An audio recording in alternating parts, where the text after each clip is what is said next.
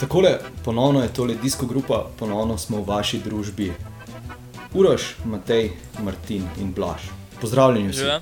No, Živa. Um, ja, zanimiv teden uh, je za nami. Drug teden Džira, ki se, ki se v bistvu končuje z jutrišnjim dnem, uh, potem je ponovno dan počitka. Um, kdo bi na hitro uh, pregledal, malenkost, kdo se javi, kdo bo tisti, ki bo, ki bo nas zapeljal po tem, kaj smo spremljali v tem tednu. Pa ponovno ne se vsi naenkrat javi, da ne bo. Ja, Bom dal, predal Blažu besedo, ker vem, da, da on bo brez problema tole. ja se, nekako sem jaz že dežuren za tole, ampak redu se, se ne bom pritoževal. Uh, ja, evo, uh, ta teden spet en kup stvari se je dogajalo, no, čist na kratko. Um, imeli smo res vega iz vašta, med drugim tudi dan pauze, v torek, uh, kar nam bo malo olajšalo delo, bomo mogoče danes malo krajši. Uh, drugače pa ja, v bistvu se je vse skupaj začelo s ponedeljkom, uh, kjer je potekala linijska etapa, 140 km. Nekako so na Džilu uh, letos uh, precej, mislim, kratke etape. No. Tako. Ni, se ta, ta trend se očitno obrača, res da um, so vedno bolj atraktivne te krajše, malo bolj eksplozivne etape. Um, in ja, na koncu šprint grupe, uh, zmagovalec pa Peter Sagan. Uh, Preden začne uh, Matej karkoli govoriti, jaz mu čist prvoščam tole, uh, ker uh, je pa res, da so šli vsi šprinterji že domov, tako da je moj izgovor, ampak ok. Uh, ne, drugače pa jajo, Sagan, vsaka časno. Uh, zdaj pa predajam besedo. Ja, velja. Um, tako kot prejšnji teden, uh, bi se jaz na začetku uh, v bistvu zahvalil vsem, ki so še dodatno naročili te majice, ki jih imamo danes uh, vsi oblečene. Uh, vse pohvale Mateju. Uh, tako da ja, uh, Janja, Miha, Mojca, Tomaš in pa še od prejšnjega tedna Sanja, Luka, Sara, Tilen, Ervin, Jan, Gregor in Kristjan. Vsem hvala. Tudi danes uh, sem dobil uh, fotografijo iz, uh, iz uh, etape, ki je šla skozi Brda. Uh, da so tudi tam ljudje zasledili naše majice, tako da smo uh, v bistvu zelo, zelo veseli.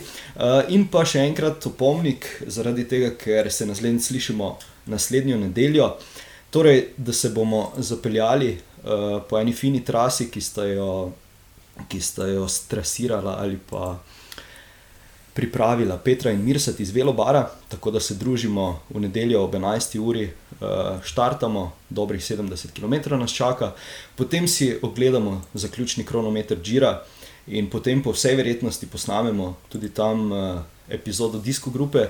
Manjkal bo sicer Blaž, ampak nam je že obljubil, da se bo, da se bo javil živo iz uh, odkot že Blaž. Uh, Giro del Friuli, se pravi, ena taka uh, reprezentančna dirka za mladinske kolesarje, tako da uh, se slišmo v vsakem primeru, vsaj na kratko.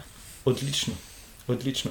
Uh, tako da, ja, kava, kolesarjenje, druženje, uh, tudi kakšno pivo, uh, in pa seveda uh, bomo še kaj pojedli, pa, pa se fino imeli. Ja. Zdaj pa predlagam, ja, da kar pričnemo. Torej, z, z ponedeljkovo deseto etapo, kot je že Blaž povedal, uh, Peter Sagan je zmagal.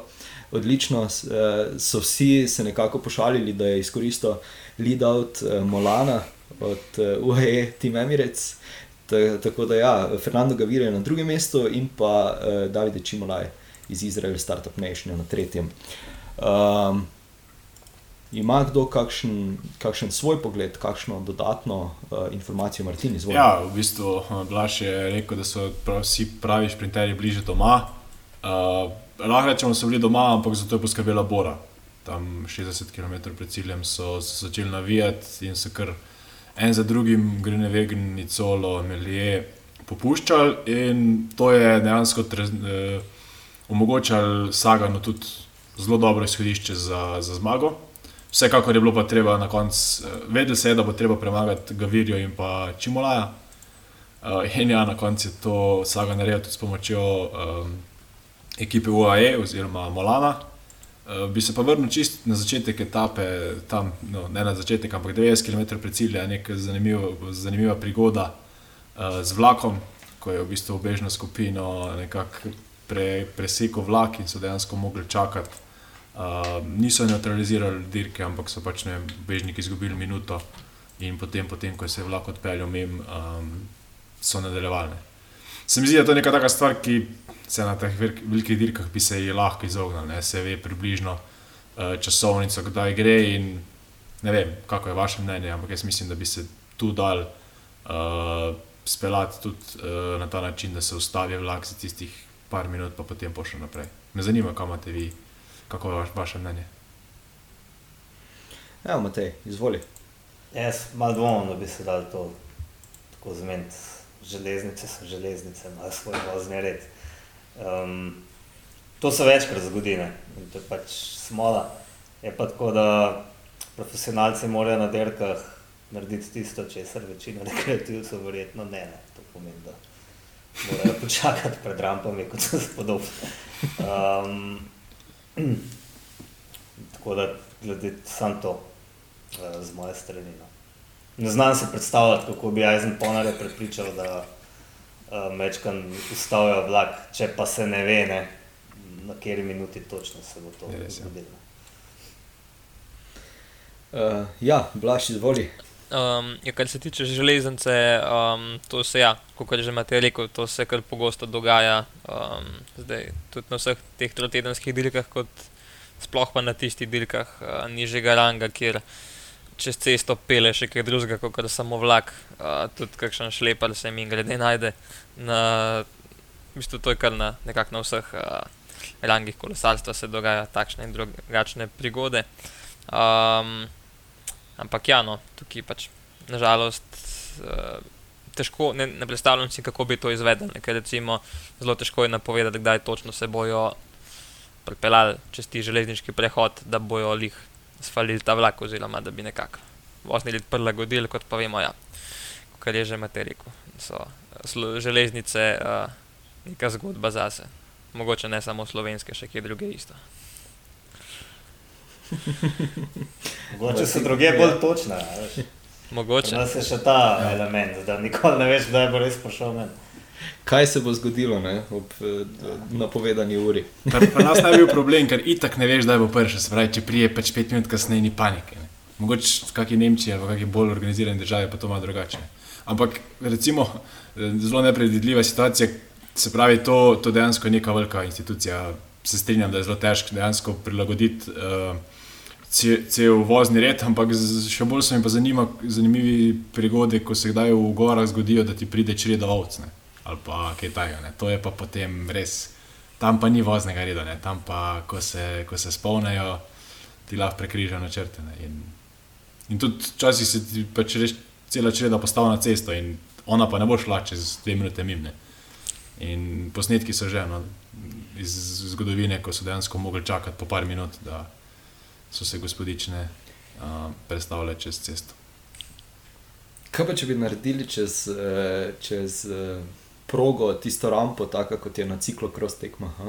da bi še tam mogli navijati v tisti Ja. klan? Uh, ja, ok. Uh, še imamo kaj o tej uh, ponedeljkovi etapi zapovedati. Uh, Ne, mislim, da imamo marsikaj zapovedati. ne, ja, to, to zgodbo. definitivno. Sagan ni zmagal po naključju, ne, zmagal je zato, ker um, so navili pribori brutalen tempo, um, zaradi katerega je odnesel Grunewegna, potem za njim uh, Melijaja, skupaj z njim, mislim, da tudi Dekarja in na koncu še uh, Nidzola, uh, ki je bil mogoče še celo najbolj navaren uh, Saganu. Um, Za drugo mesto. Ja, za drugo mesto. Uh, uh, kako noro je mogel iti, smo lahko videli potem, da Nidzola niso mogli pripeljati nazaj v skupino na ravnini. Zakaj je cela njegova ekipa zginila, ne vem, ampak v prvi skupini ni bilo niti enega iz uh, Kubeke Asos. Najdlje je seveda z njim ostal um, kdo drug kot Viktor Kampenarc, ampak enostavno nista mogla ujeti. Pravi, če Viktor Kampenarc ne more ujeti, potem ne vem, kdo bi. Ne. Tudi um, ubežnike, so že 43 km pred ciljem ujeli, zdaj dobro, tisto minuto so izgubili eh, pred železniškim prehodom, ampak vse en, ne, to je 30 km prezgodaj, recimo, Točno ne, jih ujeli in eh, to pove, kako brutalno je šlo. Ne. Um, mogoče še ena zanimivost, da se je spet šprintal na tem letečem cilju za bonifikacijske sekunde, uh, kjer je takrat je Vene pol še v upanju, da um, lahko kdaj obleče roza majico letos, uh, poskušal napast ali pa se ne vem točno kako je šlo, ampak na lepem se je razvil tak zelo simpatičen boj med uh, Ineosom in uh, Deconim Quickstepom, um, v katerem je potem sicer uh, zmagal Narvaez, uh, zato da je ukradel uh, sekundo Venepulu, Bernal je bil pa tretji, ampak Venepul je dejansko eno sekundo pridobil. ne. Um, vse skupaj nič, ampak mene je to kar zabavalo. No? Ko te fanti šprintajo, je to kar hecno. Martin, izvoli. Tudi meni je bilo v bistvu zanimivo, ker eh, je dejansko cela ekipa Quickstepa kar precej navila tempo v slogu res pravih priprav na sprint. So dejansko bili v- v eni štirje kolesarji, eh, na koncu dejansko Remko sam začel v bistvu sprintom, Bernal je šel za njim. Uh, in tako dost razkropljen je bilo, ne vidi se, da to, to niso fanti, ko bi vsak dan sprintali, uh, vsaj organizirano ne. In dejansko Narvajes je presenetljivo dobro odsprintal in uh, tako je Matej rekel, pobral to sekundo. Mi je pa zanimivo, ne vemo, kako dolga je tri tedenska dirka in da dejansko ti fanti za vsako sekundo res se, se borijo, se, se da ne rečem, uh, tepejo in ja, zanimivo in dejansko dobra popestritev ene, rečemo, takih bolj mogoče dolgočasnih etap. A si zamisliš, da se zdaj po nekem čudežu eh, zgodi preobrat, pa Evenepol za eno sekundo premaga Bernala na koncu? Ha? Jaz si ne. Bomo se o tem sprintu še pogovarjali. To, to bi bilo res čudež. Ja. Čeprav, A gre nekdo od nas do, do Milana s Evo ga. kolesom, če se to zgodi? ja, ne govori prehitro, vlaš, izvoli. Ne, bom sam na hitro še ja. Uh, ko, v bistvu, šele zdaj smo ugotovili, v bistvu danes, oziroma včeraj, teh zadnjih dneh, koliko je bil ta sprint v bistvu brez neke vrednosti oziroma pomena, ker fanti so se tam dejansko oren krasturili, uh, za dejansko za sekundo, ki jo je tam Renko potem prdobu. Pa vemo, kva tista sekunda zdaj pomeni uh, za Remkota oziroma za Bernala. Uh, ne, ne prav velika. Ne. Uh, ampak ja, uh, vsako etapo grejo kolesari posebej in vsako etapo pač bojo probali stržiti, kolikor se, se da. Uh, tako da ja, jaz, jaz jim ne zameram, je bil tak en bombonček uh, v tej dolgočasni etapi. Recimo. Definitivno. Uh, ja, nič, jaz predlagam, da, da skočimo na tiste dogodke, ki so se, ki so se dogajali kasneje, uh, kjer bomo v bistvu lažje uh, nekomu povedali, oziroma bo lažje tisti nekdo razum, razumel, zakaj se gre, sedaj, ko govorimo o tistih zaostankih uh, Evenepola. Glede na to, da je bil v torek dan počitka, bi jaz zdaj predlagal minuto tišine, da si oddahnemo, hecam se. Pridem pred. Pa gremo. Ja, pa gremo uh, torej na sredino 11. etapo. Um, ja, tu pa se je začel ta, uh, bom rekel, na rekovajih zmagovalni pohod uh, Kubeke Asos. Uh, preden smo začeli snemati, smo se ravno o tem pogovorili, da imajo trenutno enega najboljših etapnih izplenov na tem Giro do sedaj. Uh, tako da, ja, uh, Mauro Schmidt, uh, prvo mesto, iz seveda Kubeke Asos, uh, Aleksandr Kovi iz UAE Emirates in pa Harm Van Hook iz Lotusu Dala. Blaž, povej. Ja, evo, jaz bi že takoj na začetku izpostavil, um, kakšen razpad sistema je bil uh, na tej etapi. Že samo, samo če pogledamo rezultate, v bistvu so kolesari praktično ena po ena hodili v cilj, oziroma v teh res, res mehkih skupinah. Šele pol od 80. mesta naprej je dejansko prišla neka večja grupa, v kateri je bil tudi Jan Tratnik. Um, drugače pa ja, do nekak do 80. mesta pa kolesarji povsem razdrobljeni. Um, zdaj ja, zmagovalec um, presenetljiv, vsekakor tega, tega ni noben pričakoval. Uh, ker gre za enega tazga res nepoznanega kolesarja. Jaz sem šele malo kasneje ugotovil, da sem celo enkrat v Luksemburgu z njim odilko, ampak uh, takrat se ga res ne spomnim. Um, tukaj pa v bistvu je izkoristil priložnost do maksimuma. Um, v bistvu te, noben izmed teh prvih treh ni nek prav, uh, kako bi rekel, tak kolesar, ki je znan po tem, da zmaguje. Tako da mene res na tem delu veseli, koliko uh, mladih oziroma nekih neodkritih kolesarjev tukaj dobili priložnost in da so jo tudi uh, dejansko izkoristili. Um, tako da ja, jaz, jaz sem res vesel, no, da letos gledamo tako delo, razgiban, nepričakovan, um, ker to je, nekako je to, to kar, kar hočemo navijači oziroma kaučari videti. Uh, da predajam besedo. Um, ja, jaz uh, sem vmes, ko smo spremljali etapo, napisal, da se ne da bi se sam boljše peljal, ampak da res je Evenopol uh, izgledal grozno na tistem makadamu. Pa Matej, ker izvoliti predajam besedo, ker verjamem, da boš tudi to vključil v, svoj, uh, v svoje povedi ali kakorkoli svoj komentar. Ja, mislim, da so v takih etapah, ki so recimo malo problematične za etapne dirke, ker se lahko zaradi ene neumnosti ali pa smole podrejo tedni in meseci dela in priprav.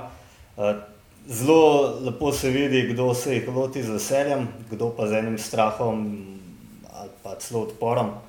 Um, tukaj smo videli po eni strani, uh, kako nevrjetno je razbila, razbil Derko in Neosgred na Dirs, najprej seveda s Filipom Gano na začetku in kako obupno je na to v bistvu reagiral Dekonin Quickstep, ki je v prvem sektorju že razpadel.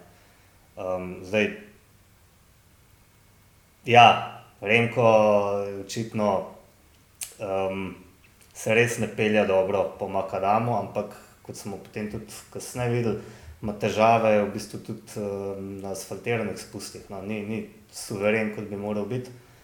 Ampak um, je treba po eni strani razumeti. Zdaj, Maro Šmit, um, jaz sem malo pogledal, on je uh, še v mladinskih letih delal tudi ciklokros, uh, dosti bil na pisti. Um, tem je Renko Evenepul v Belgiji uh, igral nogomet, ne, to sicer na zelo visoki ravni, ampak ko so se fanti vozili ciklokros kolesi, z mountain bike, je on pač delal nekaj čez drugega. Ne. In v bistvu čudaš, da sploh zraven, ne, sploh pri teh letih. Um, zdaj, ključno je bilo verjetno to, da enostavno, ne samo da se ni dobro dol pel, da niti nog ni imel več pravih, kar je tudi sam priznal. Uh, prvič, derka na, mislim, derko je že deset dni, potem je bila ta dan pauze, ki je vedno malo problematičen, ker se telo ne odzove vedno dobro pod njegovo pauze. Um, in enostavno, potem, ko je odpadal na spustih, ni mogel zraven priti. Um, jaz sem, mislim, da tudi tvitnil vmes, da ima res obupno ekipo, ampak sem se potem spomnil, da je v bistvu že prvič odpadel, ga je ta ekipa zraven pripeljala in tem seveda ni čudno, da so razpadli, uh, če so mogli že na začetku sedeti od sebe in je pač sam ostal za Almeido. Uh, kaj se pa potem tam počela v nadaljevanju, pa meni jasno, ampak mislim, da um, je nekdo kar moral noreti potem na avtobus ali pa večer. Um, ne vem, to mi ni jasno, da med tem, ko um, je ena pol stane zadaj, izgubi stik in Bernal sam začne narekovati brutalen tempo, um, ali me da še vedno kao ne ve, kaj se dogaja z njegovim kapetanom. In, um, potem je tudi, se ve, ne pol, mečkam nam rekel, otroče odreagiral. Ampak odreagiral je kot mladi človek, odreagiral je v težavah, večkrat je besnel, tisto slušalko v pulu teatralno. In, um, takrat je bilo pač jasno meni, da je pač um, ta žiro žal, žal zgubil. Ne. Kar pa ne pomeni, da me je kaj razočaral, no, mene je v bistvu navdušil že s tem, kako dobro se je pelil v prvem tednu. Ne, um, tako da v bistvu smo samo čakali, da se mu bo nekaj ta zgoda zgodil. Ne. Um, čeprav mi seveda ne prvoščimo, absolutno ne. Um, ja, na začetku, ko si rekel, da je vedno ta, ta dan pauze, um, kako si rekel, da je kritičen, ne da je kritičen, da je vedno pod vprašanjem, kako se bo. Zato, sti, zato si ti lani 60 dni zapored uh, bil na kolesu, ker si se bal tega dneva pauze, kaj bi se ti zgodilo? 69 dni sem bil na 69. kolesu zapore, zaporedoma, um, ne vem, ali zato, zato, ker je lepa cifra, ali, ali kaj je bilo narobe, ampak ne, ne, um, drugače mi grede, ja, jaz se tudi slabše počutim včasih po kakšnem dnevu pauze. Um, ne vem, iz ritma padeš in je potem drugi dan mogoče najhujši. No. Ampak dovolj meni. Mislim, da ima Martin nekaj zapovedati. Uh, še predtem Blaž, potem pa Martina, evo, takole. Pardon. Hvala, da si mi pustil do besede, Matej. Uh, uh, ja, kar bi tukaj še um, izpostavil, ne, um, da se spet pojavlja ta trend uh, teh gravel sektorjev na vseh koncih, tudi um, Rudu Sud. Rudosud, kako se že naglasi, se pravi, dirka proti Soncu, ki je potekala v, Španiji ali Portugalskem, nisem čest prepričan. Je isto bil uh, en makadamski sektor, tudi na Džilu smo ga videli, uh, že prejšnji teden, ko je Bernal zmagal. Tako da ja, to naredi dirko zelo zanimivo, ne? ampak zdaj je tukaj spet uh, tista, tisto vprašanje, koliko imajo to kolesari dejansko radi. Uh, jaz mislim, da bolj nekaj. Ja. Um, ja. Um, tukaj, kaj sta imela Almeida, pa Remko, seveda ne bomo nikoli vedeli. Um, mislim, da pa ta fora, da Almeida ni slišal, oziroma ni vedel, da je uh, Remko spustil. Jaz mislim, da so to malo bučke. No. Um, Kakorkoli. Uh, pač zače- škoda mi je, da je Almeida tisto etapo kasilov, uh, to je tista etapa, ki je zmagal Dobrovski. Um, ker bi imel, ajde, za deseterico, mislim, da bi kar imel šanse. Um, ampak ja, pač to možnost je zapravil, kakorkoli, iz kakšnih koli razlogov in uh, nekako profesionalen odnos ga lahko pokažeš še tako, da se v tem primeru pol podrediš za kapetana, ker zato si tam, zato te v bistvu ekipa plačuje, da ali boš dirko zase, ali pa če je taka komanda za nekoga drugega in tukaj ni zdaj, ja, nisem slišal in tretane, se pol ga je počakal. Um, ampak ja, mnogo prepozno, on bi mogel biti tisto sekundo zraven. Uh, ko je odpadel že začetek, že ne vem, zakaj je se sploh pelil na drugem koncu grupe, bi mogel biti pač skozi njim, ker za etapno zmago niti ni imel šans. Uh, tako da tukaj ne vem, kaj je razmišljal. Je pa izjavil, ja, da um, za špansko oziroma portugalsko televizijo, da, uh, da je razočarano, ker je mogel čakati Remkota. Um, v teh malce bolj znanih medijih pa tega niso kaj dosti izpostavljali, oziroma je tudi um, nekako Remko probo skrit, um, da so se kakorkoli prepirali, oziroma je nekako rekel, uh, da, ja, da je Almeida dobro upravil svoje delo, ampak mislim, da je bilo to bolj tako stisnjeno čez zobe. Uh, tako da, ja, no, vse, kot je že, le, take stvari se dogajajo in, in se pač bojo še naprej. To je to.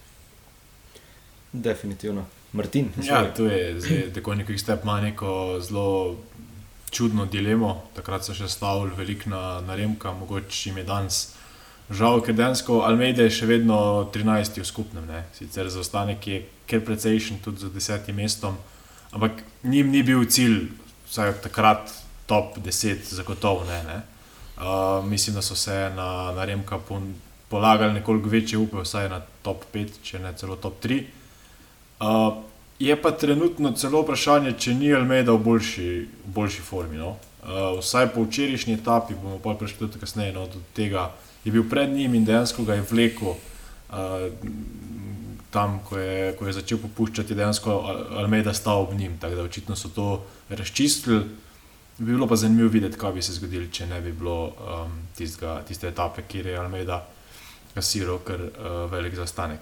Jaz bi na tem mestu izpostavil še enega kolesarja, pa bo verjetno tudi Blaške več znal o njem povedati, in to je Alessandro Kovi, uh, ker je bil v bistvu dvakrat, uh, dvakrat zdaj že med uh, top 3. Uh, poleg tega, da je bil na etapi, ki jo trenutno obdelujemo, drugi, uh, potem še na včerajšnji in tretje mesto na Zankolano, vemo, da pa šteje neki. Ne, in pri rosnih uh, 22, če se ne motim, je to en tak dober uspeh in je v vseh begih zraven. Uh, sam priznam, da nisem še prej za njega slišal in na tem džiru me, je kar presenečen. Me pa zanima, blaš, če si ti kdaj recimo z njim dirkal ali pa glede na to, da sta podobne starosti. Mm, ravno kar gledam, pa on je 98-letnik, ne. Po rezultatih, vsaj teh največjih dirkah, se, se nisva srečala. Um, mm. Ampak ja, v bistvu je nekako, um, kar je značilno za te uh, italijanske mlade kolesarje, da začnejo svojo uh, profi oziroma Ultra 20 kariero v Kolpaku ne, in potem grejo, če se tam dokažejo, grejo pa naprej v največje ekipe. Ne. Uh, nekako taka razvojna italijanska ekipa, zelo dobra. Um, in ja, vsekakor ima za sabo džilo življenja, oziroma uh, je res v vrhunski formi. Ne. Ima tudi že zmago na Lavinilju iz leta 2018, takrat je potem uh, oziroma takrat je že delko za, za UAE. Um, tako da, ja, no, jaz od njega v prihodnosti veliko pričakujem, ne, ker je v bistvu ga dam v, tisti koš, ga dajem kot je Gino Medenek. Uh, Je bil velikokrat blizu, vel, skozi je probavo in ja, mislim, da bo tudi njemu na koncu rad ali prej ali slej kakšna velika zmaga, mogoče že, že letos na Džilu. Kulsko. Uh, Matej, preden uh, dodaš še svoj komentar, sem jaz, tako kot v prejšnjem tednu, pripravil odstope, ki so se zgodili v tem drugem. Uh, zdaj, v bistvu na deseti etapi, k sreči, dobenega odstopa nismo videli, ali, ali pa kakšnega paca, ki bi potem posledično vodil v odstop. Uh, na tej enajsti etapi pa je odstopil uh, Tim Melje uh, zaradi problemov z prebavo, trebuhom, kakorkoli, in pa uh, Jonathan Kajsedo, uh, ki pa ni končal etape zaradi, zaradi paca. Matej, uh, ja, uh, izvoli, kaj si želel povedati. Ja, Kajsedo, mislim, da je padel na prvem sektorju in je kar grdo ti zagledal. Ja, tam sta pa tudi v bistvu Dan Martin in Formula izgubila kontakt. Ja, ona dva sta izpadla. Ja. Mo mogoče tudi Škoda. zaradi tega paca, kakorkoli. Škoda, se je zgodil. Um, če se spet pri Almeidi malo stavimo, jaz mislim, da on tudi včeraj na, uh, na Montezum kolan ni bil tam, kjer bi moral biti. Prav spet smo videli njega nekje tam med prvimi desetimi v grupi, ko je bil Remko že tam na odstrelu, ne? ko se je še zubmi držal in je potem ja res nazaj ponga prišel, ampak se vemo, to potem nekaj časa traja. Um, skratka, praviloma je prvi pomočnik vedno ob um, svojem kapetanu, prednjim ognjem, za njim, kakorkoli. Um, imam nekako občutek, da se je on zdaj večkrat zrihtal, da ima spet proste roke. Če uh, več, ko bo eno pol zaostajal, bolj bo imel proste roke in si lahko kakšno dobro pogodbo uh, zrihtal za prihodnost, če še nima. Ker pride konec quick stepu, verjetno ne bo ustal, um, potem pa sploh ne. Ja, se to so že nekako napovedali, ne, da je to njegova zadnja Ja. uh, sezona pri, pri Dekoniku. Samo zdaj se moraš pač um, nabrati neke pike, um, Ja. s katerimi boš čim boljši stržil za prihodnost. Ja, Blaž ima informacijo, izvoli Blaž. ne, kar se tiče prestopov, pa to, to, eh, to jaz ne bi načvedel. Uh, bi pa omenil tole, nek, um, v ekipi se zmeraj težave začnejo takrat, ko je neko navskrižje interesov, um, pa vsak v bistvu gleda na sebe, na mestu, da bi pač upravil delo tako, kot bi ga mogel. Um, mi nas tudi mojim fantom zmeraj rečemo, ne, takrat, ko, ko se nekaj zmenimo, pa ko pol vsak začne za. Za svojo rit gledati, takrat se pol začne vse podilati. In, um, tako, mm, jaz mislim, Almeida mi je tako zelo, zelo fajn kolesar, tako simpatičen, ampak uh, me je pa kar malo razočaral s tem odnosom, ki ga, ki ga kaže letos na Džiru. Um, pač, mm, vprašanje, koliko časa bodo tole v Quick Stepu še prenašali, ali jim to odgovarja, to ne bi vedel, um, ampak ja.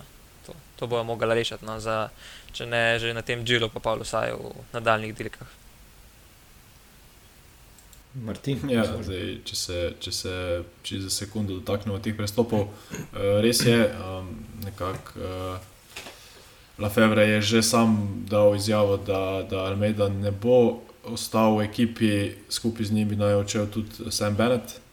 Um, tako da predvsem ta menjava, no, Sam Bennett bo sprožen, kupenih menjav. Uh, se mi zdi, da drug, drugo leto bomo sprinterje videli v čist drugačnih ekipah, kot jih izgledamo letos. Kar se tiče pa teh, uh, te naveze, Remko, Almeida je pa z mojega vidika zanimivo glih to, da sta oba dva zelo mlada kolesarja. ne. Se pravi, te, te, te prigode, ki se dogajajo njima, se pravi to uh, rivalstvo ali pa rečemo temu neposlušnost, je za mlade kolesarje rečemo skoraj značilno ali pa čisto normalno. In mislim, da v teh zadnjih letih ali pa predvsem v lanskem letu z uh, Tadejem Pogačarjem se je ta, to pričakovanje, kaj kolesar pri 21 letih zmore ali pa pri 22 tudi uh, nekako zelo povečal. Ne. Um, jaz tudi poslušam malo komentatorja, oziroma komentatorje, ki so vse čas te etape razlagali, da je to popolnoma normalno. Tudi ko je Remko vrgel slušalko iz ušesa, to tele, recimo, fantje njegove starosti, ampak ti fantje v večini primerov niso kapetani svojih ekip. To se zgodi, ko si kdaj v begu, pa, pa je kakšna taka stvar, ki te vrže iz tira. Ko si pa ti kapetan svoje ekipe, ko vseh osem ali pa recimo sedem tvojih ekipnih kolegov dela za te, takrat pa se mi zdi, no, bi mogel pa, pa res imeti neko odgovornost, nek, neko spoštovanje in se drugače obnašati. Ampak ja, tudi on je sam človek. eh, Ne gre mu, eh, javnost je veliko od njega pričakovala, eh, tisti Makedam je bil začetek njegovih težav in odreagiral je, kako je odreagiral. Se pa strinjam, no, da, da Almeida na tistem mestu definitivno ni bil tam, kjer bi mogel biti. In tudi eh, v bistvu včeraj na, na Zamkolanu je zanimivo, da je dejansko prišel cilj dve sekundi prej. Ne. Vsaj po rezultatih sodeč nisem zdaj dejansko videl, kako se je to zgodilo, ampak če to pomeni, zdaj, da dejansko še pol Almeida šprinto na koncu, da bo te dve sekunde, še ena stvar, ki je mogoče čist malenkost, ampak zanimivo, no, da nista prišla recimo skupaj. Um, ja, zdaj ta, na te dve sekundi, če se, če se ozrem. Uh, moje videnje, seveda, kavčarsko, kakorkoli je, da je, da je Almeida pač tam držal nek svoj ritem. V bistvu Remko pa je izgledal zelo, zelo na limitu in je za tisti dve sekunde bi jaz rekel, da je ravno toliko odpadel. Ampak tako kot je že Blaž razlagal v prejšnjih epizodah, uh, je pri sprintih težko vedeti, kaj se dogaja za tabo. Pa tudi, mislim, v tem primeru, tudi tam na tistih grevel sektorjih, bi mogel Almeida bolj kot ne imeti oči na hrbtu, pa gledati, v katerem, v katerem sekundi, v katerem trenutku bo, bo Remko odpadel, zaradi tega, ker je pač kadarkoli je nastavil nek tempo, pač žal Remko ni mogel držati. No, vse pač zdaj ali je, ali je žal previsok tempo nastavil, ampak pač ja. Nekako, nekako pač se je videlo, da, da noge niso prave. Matej, izvoli. Ja, a gremo še v zaključek, ker je bilo tudi kar simpatično. Pa dajmo. Um, jaz ne vem, kaj sta delala George Bennett in Tobias Foss, ki sta vmes se odpeljala v grupi in da blokirala nekogaršnjem ozemlju, klatla v filter, tem pa seveda neizbežno se vrnila. Želela, Um. želela sta iti v bežno skupino. Ja, to smo se vedeli, da ne bo uspel. Ne Mogoče ste imeli kakšne druge podatke. Um, Posto sam sebi skočila še na Julio Čekone in Mark Soler, za oba se je to slabo končalo. Presenetil je pa mene ful, uh, Emanuel Buhman, um, ki se je kar odpeljal in pokazal, da je pač um, dejansko bil v tej etapi ob um, Bernalu najmočnejši, ne? Eh, čeprav je skozi uh, skozi se lepo zgleda, pametno skrival, tako kot tudi uh, Damjano Karuzo, ki ga skoraj ni bilo opaziti. Dobro, vse čas je bil tam nekje, ampak um, uh, nič se ni ven metal, potem je pa tudi on v bistvu v tej etapi uh, praktično uh, najbolj napredoval, no? poleg Buhmana. Um, in potem Megan Bernal, ne, ki pa spet tudi če do danes ni naredil, se mi zdi niti ene napake no? na celem džiru. Razen tega, da je mogoče mečkan slabši odpeljal kronometer, ampak um, nobene panike. Uh, enostavno je tudi tukaj nabral tistih nekaj sekund. Mislim, da je za 11 sekund prehitel na koncu celo uh, Buhmana. Tako je.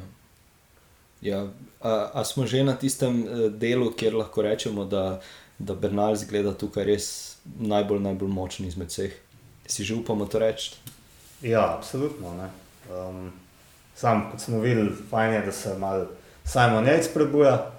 Um, Medtem ko ostali so pa bolj ali manj, po mojem, malo odpadali ali jim gre forma, mislim, forma. Da počasi zgubljajo no, uh, stik. Uh, tako da bi rekel, no, da je najbolj Simon Yates zdaj dejansko nevaren. Če se kaj zalom Bernalu, lahko hitro uh, pridete zelo skupaj. Ne?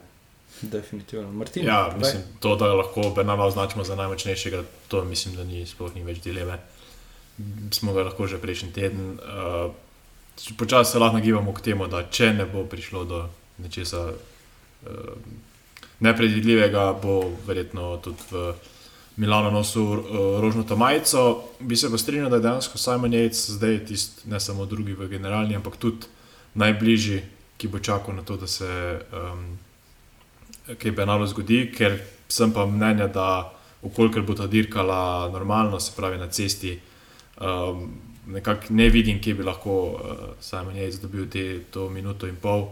Uh, nekako izgleda vseeno Bernal superioren, um, tudi kronometer bi vseeno si upotrdil, da bo odpeljal nekoliko boljš kot Yates. Uh, ostali pa, kaj pa vem, no, od glasova se je vsaj na začetku nekaj več pričakoval. Karuzo preseneča, ostaja, jaz mislim, da med top 5 bo ostal tudi na koncu. Uh, vsi ostali so pa nekje, nekje tam kjer smo jih verjetno pričakovali, karti. Dan Martin je na tisti etapi dejansko, oziroma na tej etapi pač pokasiral tisti velik zaostanek, ki ga je nekako izločil iz boja. Um, tako da ja, jaz mislim, da Bernal Buhmana je, pač, kot vemo, današnja etapa uh, poslala domov. Uh, tako da bomo videli. No. Jaz bi vsekakor rekel, da če ne bo nesreče, nekih večjih tehničnih težav imel Bernal, je to, je to nov zmagovalec Gina. Ja, prej smo govorili o, o Kregu, pa o nesoglasjih. Tudi na 12. etapi ni šlo brez Krega. E, skregala sta se George Bennett in pa Žan-Luka Brambilja. E, jaz moram priznati, da nimam nekega posebnega komentarja na to. Nekako. E, bom tako demokratsko rekel, da, da, se, posku, da se poskušam poistovetiti z obema, pa oba razumeti. Um, Blaž, kaj pa ti meniš? Um, ja, tam na koncu uh, sta ona dva, v bistvu sama sebe izločila uh, iz boja za zmago. Um, kar je sicer mečkan škoda, ker bi bilo vseeno malo bolj zanimivo. Ampak ja, na koncu je bilo tako, kar je bilo. Um, pa pa pač vsak se je hotel malo pošparati, noben ni hotel iti za, um, kdo je bil že tam spredi, se pravi, um, Van Drame in pa Hamilton. Ja. Hamilton. Uh, in ja, to je ta igra na srečo, ne gambling. Uh, včasih se boš pošparil, da boš na koncu lahko zmagal, ali pa vse zgubiš. V tem primeru sta ona dva krepko vse izgubila, ker uh, se ni no, noben hotel restaurirati za drugega. In rezultat je bil tak, ne pol na koncu tisti uh, precej agresiven manever Blambile, ki je videl, da mu Bennett min prehaja, um, nekako to bali z obupa. Mislim, da hoče to storiti, ampak uh, ja, se je na srečo končal brez paca, vsaj to. Um, ja, vendar je bil pa tukaj najmočnejši. Um, sicer ga kot kolesarja ne poznam prav dobro, da bi rekel, uh, ampak je vsaj po konstituciji nekako zgledal za tak zaključek, zaključek močnejši kot uh, Chris Hamilton, ki, uh, ki je bolj znan kot hribolazec. Um, moram pa povedati, da Chrisa Hamiltona sem jaz tukaj, ker bo nekaj časa, da sem ga prepoznal, ker uh, prej je imel kar tako konkretno brado, Uh, in zdaj nima več in zgleda, da je en tak otroček in ga nisem čist navajen. Um, ampak ja, na koncu v bistvu Vendrame najmočnejši in uh, ja, še eden izmed prvih zmagovalcev na trotedenskih dirkah. Ja, ni pa šlo tudi v tej etapi brez pacev. Uh, ni končal etape oziroma dirke Alessandro De Marki, uh, pa Mark Soler, uh, Alex Dowsett uh, je imel probleme z prebavo. Uh, Kobe Gussens je tudi padel in posledično odstopil, in pa Fausto Masnada uh, je imel težave s kolenom. Tako da tudi v tej, v tej etapi uh, kar pet odstopov. Mislim, da še Gino Miller, da je tudi eh, šel ven v tej etapi. Uh, je šel v tej etapi, Gino Ja, Miller. s Solerjem sta tako na začetku že. Tako, ja. Ja, potem pa mi je tole, Ja. tole pa mi je. Vedel sem, da je Gino Miller od, uh, odstopil. Celo oba, ne? Je Soler to tudi. iz te etape. Ja, Solerja Aha, sem, Solerja sem povedal. Uh, tako da, ja. Uh, Martin, izvoli, Ja, povej. uh, mislim, tu, tu je zelo zanimiva še ena stvar. Jaz, že tudi komentatorja, pa tudi vedel se je, v tej grupi je uh, Vendrame najmočnejši. Uh, nekako vsi ostali so bolj, uh, Brambila bi bil verjetno nek drugi favorit, če bi mogel staviti na njega, medtem ko sta Hamilton in Bennett vseeno kolesarja nekoliko bolj za naklanec, kot pa za takšne zaključke. Zato mi je bilo zanimivo, da je dejansko bil Vendrame najbolj dejaven v tem, eh, tem šprintu. Um, Kaj, pa, ker bi lahko čakal popolnoma mirno na, na sprint in potem nekako unovčil svoje, svoje kakovosti kot, kot rečemo temu, nek, neke vrste sprinter. Uh, ena zanimivost, ko smo že prej pace omenjali, pa to še dejansko na spustu, ko je nekako uh, svoje, svoje znanje in svoje izkušnje pokazal Vincenzo Nibali, uh, padel je Gianni Moscone. Do, do te etape je bil Gianni Moscone tisti zadnji super domestik Egana Bernala. In me je, kar zanim, me je zanimalo, kaj se bo zgodilo, ali se bo to njemu poznal. Um, zdaj vidimo, da ima uh, nekako povid komolec, zaenkrat pa nekih večjih težav še ni imel. Um, in nekako ni tudi ta padec ni nekako vplival, tudi pol je se pobral, je v skupino. In, uh, ti paci so spet ne ena taka stvar. Ne? Prej smo menjali. Uh, Na trotedenskih dirkah ti en tak padec lahko odnese celo, celo dirko. In glede na to, koliko je dežja, koliko je mokrih cest, eh, bodo mogli biti kolesari čist, čist do zadnjega dneva previdni, da, da, da ne pride do česa nepredvidljivega in da bomo mogli odstopiti. Ker odstopa pa mislim, da je bilo zdaj že kar blizu bliz 40. No. Ja, se mi zdi, da je najbolj tukaj moti to, da je pač nepotrebno bilo, da je šel loviti Nibalija. Ja.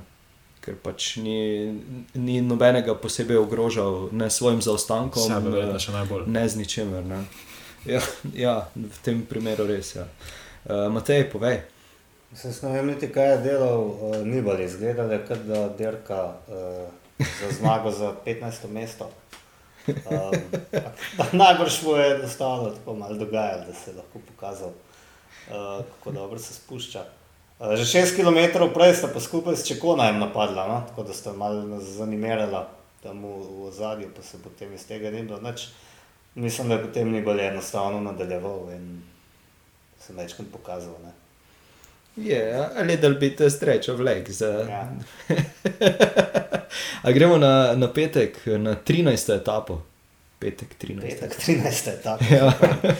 Kdo je pa tle odstopil, kaj je? Se kaj napili? Tle pa noben. Tle pa ni bilo, tukaj ni bilo odstopa, je pa zmagal nekdo. Na petek eh, 13.. Te 13. etapi. Srečna 13. etapa. Ja, Giacomo Nicolo, uh, končno se mu je splačal ta listek na čeladi, uh, kjer piše, da lovi zmage na, na Džiru. Uh, za trenutek je skoraj da že izgledalo, kot da bo ponovno drugi, Eduardo Affini je tam dobro zasoliral za, za ekipo Jumbo Visma, uh, in pa Peter Sagan na tretjem mestu za Boro. Blaž, povej, izvoli. Ja, evo, uh, kot sem že, že enkrat napisal v skupino, ne, tudi slepa kura zmaga etapo na Džiru. uh, ampak ja, evo, ta po zmaga. Um, mu je vmes že kar slabo kazal, ker ga je res, mislim, ne samo njega, ampak kar vse šprinterje, pa tudi vse nas, ki smo gledali, um, zelo presenetil Afini. Um, kasneje v intervjuju je povedal, da se za ta napad ni pripravljal kaj dosti, oziroma ni bil dogovorjen, ampak je nekako samo izkoristil priložnost, ki jo je imel. Uh, in dejansko ni bil, uh, bil deleč od zmage. Ne, zdaj, um, Nicolo je sprint začel precej zgodaj, točno zaradi tega, ker je pač Afini bil spredi in ki ga je ujel, je v bistvu izkoristil njegov zaveter in, uh, pičil mimo. Uh, tako da to je bilo v bistvu to, uh, ne, zmagana etapa. Zelo zanimiv, ne, Nicolo je enkrat že sicer pripeljal čez črto kot prvi z dvignjenimi rokami, ampak so ga potem diskvalificirali zaradi nevarnega sprinta, da ne spomnim se točno, kje leta je bilo to, ampak ja, to, to se je že zgodilo. Um, bi pa tukaj še eno stvar izpostavil. Uh, uh, Afini uh, odlično govori angliško, ker si se prej noče delal iz Nibalije, z angliščine, ki jo govori Nibali. Uh, moram pa pohvaliti, da Afini pa lepo, uh, brez nekega italijanskega naglasa uh, govori angliško, me v tistem intervjuju po cilju kar, kar presenetilo. No. Okay, zanimivo. Uh, ja, zdaj, jaz sem si tu napisal, v bistvu, uh, Giacomo Nicolo je izjavil, da je pač v bistvu njegov cilj zjutraj bil, da, da bo drugi na etapi in da je mogoče to bil tisti trik, ki ga je pripeljal do zmage. Tako da se zna pošaliti na svoj račun, kar je super, uh, čeprav verjamem, da, da ga je malenkost že frustriralo vse skupaj. Da, da je toliko krat dejansko bil drugi. Je pa, je pa tu ponovno bila tista situacija, kjer ni moglo priti do, do tistega klasičnega sprinta, zaradi tega, ker je bilo vmes toliko zožen, toliko šikan, uh, tisti polovični krožni promet. Uh, ja, Matej, kako si ti to videl? Izvoli. Um, se je posebej razen to, da um, Gavirja, do Gavirja, ne, je šel po levi strani, ne vem zakaj ni sledil um, Nidzalu, ki je verjetno zmagal ran zaradi tega, ker je izkoristil tistih par metrov za veterja za Finjam. Um, Vira je šel pač na varno stran in mislim, da na koncu bil še le peti. Ne. Uh, sem si pa malo pogledal, no, za, ni, za Nidzola je to bil osmi džiro, bil, ker je tudi on šel že domov potem, ko je dosegel svoj cilj, oziroma ne cilj, glede na to, da je cilj na drugo zmago. Uh, prvič je bil leta 2012 na Džiru in že takrat je bil v deveti etapi tretji. Uh, potem je let, vsa leta, od 2012 do 2017, je vsaj enkrat bil v kakšni etapi med tri. In leta 2015 in 2016 je celo zmagal po točkah in to um, brez zmage. Tako da uh, ni da ne bi bil uspešen, edino to zoprno smo da. No. Um, Martin, pardon, prej sem te grdo izpustil, tako da izvolim. Zanimivo mi je bilo ta, ta napad Afinja, kot je Blaž rekel. Jaz tudi mislim, da to ni bil planiran, ker je bil v bistvu on bolj kot lead out, če se ne motim, za, uh, sta bila za njim tako Deker kot pa tudi Greenwegen, ki sta se pol v tistem kaotičnem sprintu izgubila. Uh, Greenwegen je končal deseti. In tam je nekako on, kot dober kronometrist, izkoristil to svojo moč, um, in nekako potegnil po tistem lead-outu, ko je videl, da ni nikogar za njim in poskušal eh, postaviti se na popolnoma drug konc ceste. Uh, in Nicolo je ja, prav to izkoristil. Ne. Najprej je Nicolo se skril za, za vlak uh, UAE in je prvi napadal do Gavirja, potem pa se je Nicolo izstrelil povsem iz leve strani za, za Gavirjo. Na desno stran se je priključil Eduardo Finju, še za par metrov izkoristil njegovo zavetelje in potem nekako suvereno zmago. Uh, Gavirja, mislim, da je tam že uvidel, da, da nekako ne bo iz, um, iz tega nič in je potem spustil in je zato bil šele, šele peti, ker je bil v, v tistem polnem sprintu, je bil on še, še tretji, ampak potem ste ga, mislim, da pretira tako Sagan kot pa tudi Čimolaje. Um, in ja, vsekakor pa, pa vse čestitke Giacomo, um, mislim, da si je zaslužil v majici Evropskega prvaka in hkrati tudi italijanskega, je to nek bil tudi um, dober uspeh za njim in pa ponovno za ekipo Quebec Asos. Ja, eh, ekipa Quebec Asos, torej že za drugo etapno zmago do te, do te 13. etape. Blaž, izvoli. Um, a je bila to ta etapa, mm. ko je Gavirija pripeljal v cilj brez sedeža, je bilo to tukaj je bilo to kasneje? Dobro vprašanje, ker jaz tega sploh nisem opazil. A ja, ne, mislim, da je bila, mislim, da je bila točno peta etapa. In uh, tukaj je, uh, ja, 13. Ja. Uh, Gavir je tukaj v cilj pripeljal, ja, brez sedeža v bistvu. Ne vem, kje ga je izgubil, ne vem, kje je ostal, glavno, ja, samo v bistvu z Čtango se je pripeljal čez črto, ampak mislim, da ga je točno nekje v sprintu, oziroma nekje na koncu mu je stran padel, zdaj ne vem, kako se je to lahko zgodilo. Aj tukaj je bila vem, napaka mehanika ali, je, um, ali ga je počel, ampak tu če sedeš poč, ne pade, kar ne leti kar stran. Oziroma, mora biti res neka velika sila, tako da tukaj, tukaj je meni jasno, kaj se je zgodilo, ampak ja, no, je bilo pa um, zanimivo za videti. Uh, ja, to si bom pa moral praviti pogledati, uh, ko končamo snemanje. Okay, še se je zgodilo kaj takšnega na tej uh, petkovi etapi, ali gremo na sobotno, ki je potekala na Zonkolan. Sodeč po vaših pogledih in komentarjih, uh, gremo na, na sobotno etapo. Uh, torej, ja, ponovno zmaga, uh, bomo temu rekli, v narekovajih outsiderja, torej Lorenzo Fortunato iz uh, ekipe Eolo Kometa.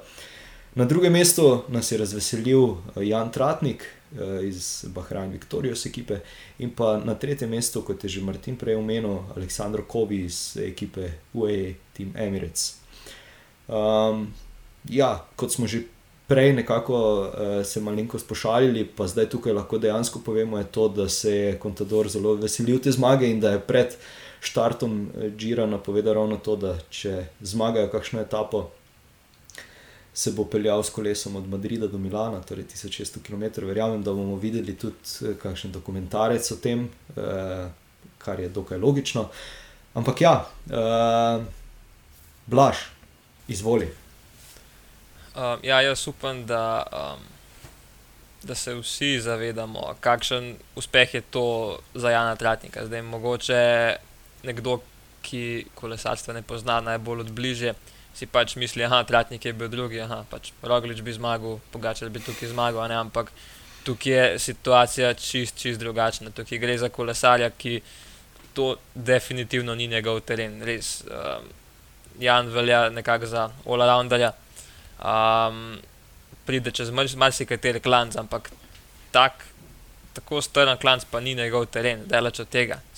Znajde se pa, kot vemo, na kilometrih že zmagoval, zmagoval je šprinte manjših, skupin, um, zmagoval je lan na Džilu, tisto etapo, uh, valovito, ampak to, kar je bilo pa tukaj, ne vem. Za me ta, to drugo mesto šteje veliko več kot tista etapna zmaga lani, ker uh, pač to je res out of this world. No. Matej, izvoli. Ja, jaz se moram tukaj strinjati z Blažem, čeprav se mi zdijo ponavadi te zgodbice o drugem mestu, vredno toliko kot zmaga, malo smešne, ampak tle se pa res uh, strinjam. Um, jaz nisem mogel verjeti, no, ko sem gledal. Najprej mi je deloval, kot da se sploh namatra na tistem klancu, potem se je odpeljal, pa sem si mislil, dobro. Um, očitno grejo zelo počasi, da se lahko on odpele, z vsem spoštovanjem. Ampak potem je kar šlo, vmes je celo med parkrat skremžil, tako da je bilo očitno, no, da, se, da se matra in da pač gre res na polno, ne? čeprav se sploh ni zdelo tako. Um, moramo povedati, da je to človek, ki ima, um, mislim, da kom še vedno na rakitno. Ne? Tako da vseeno mora biti slab na klancne. Um, ampak šalo na stran, to je čist. Uh, klanc čez ene druge kategorije. Um, Potresel je Bavka Molemo in Georgea Beneta, ne, ki sta pač uh, klančarja in specialista za take zaključke. Recimo, um, to vse pove o tem, mogoče o tem, koliko je bila zahtevna etapa, to, da sta uh, Dylan Grnevegan in uh, Dekar, kako mu je ime? David. Dekar? David Dekar. David Dekar. Uh, niste niti štartali, da se nam da pripravljati na nove izzive. Um, a ja, um, tako no, kako ta zmaga od uh, Lorenza Fortunata. Tako vse čas sem si mislil, kje se je moral ta model vzeti. um, vas majhen pa suh. Pa, ampak potem, ko, ko sem bil pa tako vesel, ne, v cilju samo pa res prvoščalo, sem si rekel, še dobro, da je zmagal, ker bi bil sicer uh, res razočaran. Tako Tak simpatičen mi deluje. No.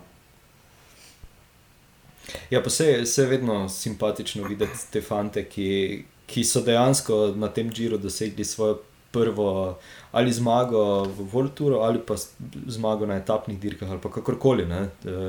Zelo, zelo fino. eh, Je tole videti, Eh, moram pa priznati, da nisem živo gledal etape, da sem si kasneje pogledal za nazaj, ampak nisem uspel zbežati eh, socialnim omrežjem, ki so eh, definitivno mi malenko spoilali vse skupaj. Pa sem zelo začudenjem pogledal, ko sem videl na, na drugem mestu Jana. Uh, ja, nepredstavljivo, no? res nepredstavljivo. Sploh zaradi tega, ker najbrž, če bi njega uh, vprašali, oziroma mogoče tudi takrat, ko smo govorili, pa ko sem ga vprašal, je pač ta zonkolan, ok, bil omenjen kot težka etapa, pa vse, ampak nič. Uh, ja, zelo, zelo uh, kapodolno. Um, Martin, povej. Ja, mislim, vsi prvošimo tem, uh, ki prvi zmagajo, ampak čist neč ne bi bili jezni, če ne bi ne. Na tem mestu on zmagal. Uh, jaz se bom, nažalost, nekako vse navezoval na to, da biti drugi je biti prvi poraženc. Uh, pa ne zaradi tega, da bi v kakršen koli manjšo uh, moč ali pa ma- manjši vpliv te Janovi, ampak ko bo Jan, ne vem, čez eno leto ali čez dve leti, ko bomo Jana vprašali, kje vrstitev mu je bolj pomembna, ali zmaga na Giro, sploh če bo pač to edina. Uh, in pa to drugo mesto, mislim, da bo tudi Jan zbral tisto zmago, ker zmaga na Grand Touru, je le zmaga na Grand Touru. Je pa tudi Monte Zonkolan na, na zemljevidu največjih uh, usponov in vsekakor pa to drugo mesto bi dal pa res tik pod, tik pod uh, tisto zmago. Uh, in ja, uh, nažalost se mu je na koncu uh, prikradel uh, Lorenzo Fortunato, ki je res odlično odpeljal po tistih zadnjih 3 km, ker tiste zadnje 3 km je pa res, uh, mislim, da vsem, vsem zastav dih, pač megla, naklon nad Baje do 27, pravijo legende. Um, in ja, videli smo tudi potem, kako se je Bernal v glavnini pelil po tistih cestah. In to so res, lahko rečemo, ti mitski usponi, kot je recimo Alp de Wes v Franciji in pa, in pa podobno. In Jan je, Jan je s, s, to, s tem drugim mestom bil dejansko um, res uh, kapo dol. Um, nažalost se mu na koncu ni, ni šlo in mislim, da smo vsi. Vsi imeli malo uh, slabega vtisa, ampak kot je že vsi povedali prej, to ni njegov teren. Jaz sem na začetku govoril, pač škoda, zakaj se nisi šparil za jutr. Uh, Jan je dan sam uh, objavil na socialnih omrežjih, da pač ve, da bi lahko čakal, ampak v kolesarstvu nikoli ne veš, kaj bo jutri. Izkoristiš dan, ki ga lahko, danes imel celo smolo, z, je bil udeležen ti spadec in nekako še bolj od teh, da se je včeraj pravilno odločil in jaz mu res čestitam na tem mestu in uh, upam, da ta, to udarec v koleno ni bil pre, prehud in da ga bomo videli na slovenskih cestah že kmalo. Ok, eh, Blaž, preden ti predam besedo, uh, tako kot je že eh, Matej prej rekel, torej Dylan Grunewegen uh, in David Dekker nista štartala. Uh, štartal tudi ni Jay Hindley, uh, ki je imel baje uh, probleme z zadnjico, uh, torej z oguljeno zadnjico, kakorkoli. Uh, Nikolaj D. Uh, ni končal te etape zaradi paca. In pa Rožer Kluk iz Lotosu Dala tudi ni uh, končal te etape. Blaž, sedaj pa ti predajam besedo, mogoče boš povedal tudi o tem, kaj se je dogajalo v generalni razvrstitvi včeraj. Uh, Uh, ja, sem se hotel sam še malo na Jana navezati nazaj. Um, ja, ker ga bomo za nazaj vprašali, čez par let bo, bo, bo zagotovo tista etapna zmaga, lani recimo več pomenila, ampak jaz sem tukaj bolj mislil nekako z vidika um, trenerja, recimo, kaj tak. Če bi to bil recimo moj kolesar, pa bo na takem terenu uspel pač kakšen dosežek, je to sicer ne rezultatsko, ampak um, nasplošno za um, kakšno voljo moš pokazati. Ne? Ker recimo, ne vem, kdaj kakšen fant na treningu reče, uh, ja, jaz pa ne vem, jaz sem pa šprinter, pa se nam na klanc dobro pelu, ne, ampak uh, bom zdaj z veseljem rekel, le, če lahko Jan, lahko tudi Jan. Tudi če ni tvoj teren, pač trenirati moraš v vsakem primeru vse. Um, pa še nekaj sem hotel reči. A ja, um, ja, kar se pa tiče tega, ja, um, po konfiguraciji bi Jan vsekakor ta današnja etapa bolj ustrezala, ampak tukaj ja, pač nažalost ni na mestu, da zdaj rečemo, zakaj se pa ni šparil za danes, ker um, kot je že rekel Jan, oziroma kot sem tudi že rekel, mislim, da zanč. Uh, na tem džilu zelo dolgo časa traja, da beg pride.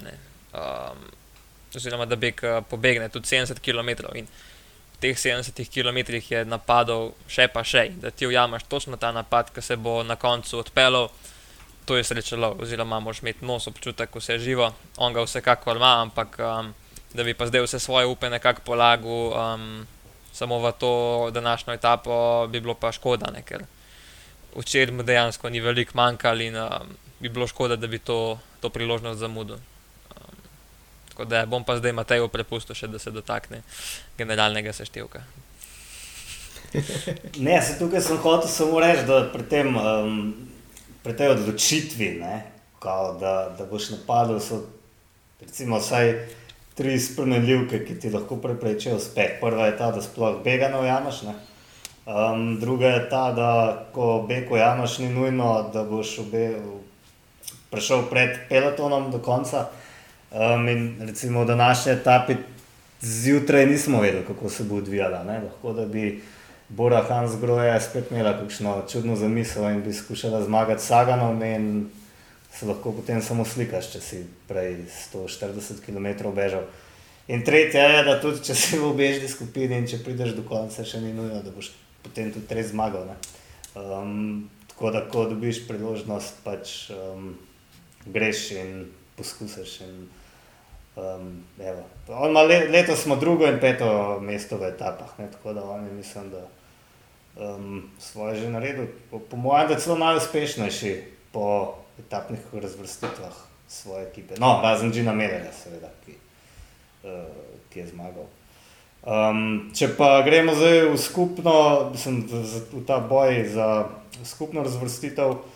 Um, je Astana, prejmer tek tokrat odigrala vlogo, ki jo ponavadi igra Movistar. Uh, z, z nekim brutalnim tempom so skušali, ne vem, spraviti mogoče v težave in ne ozgrenadirski, kar jim ni uspelo. To se je videlo tudi potem, da se um, razlika do obežne skupine praktično sploh ni zmanjševala, ne kljub temu, da so um, garali je bil pa zato, da smo se večkrat pozabavali, zanimiv spust tistega prvega uh, klanca. Um, to je zdaj že kar nekak zaščitni znak, stane, da napadajo. Oziroma, ne vem, niti če napadajo, ampak enostavno se tako dobro dol pelajo, da um, skoraj nihče ne drži. In uh, tokrat sta dejansko zraven ostala samo um, Karuzo pa Bernal in še njegov pomočnik, ne vem točno, kje je bil.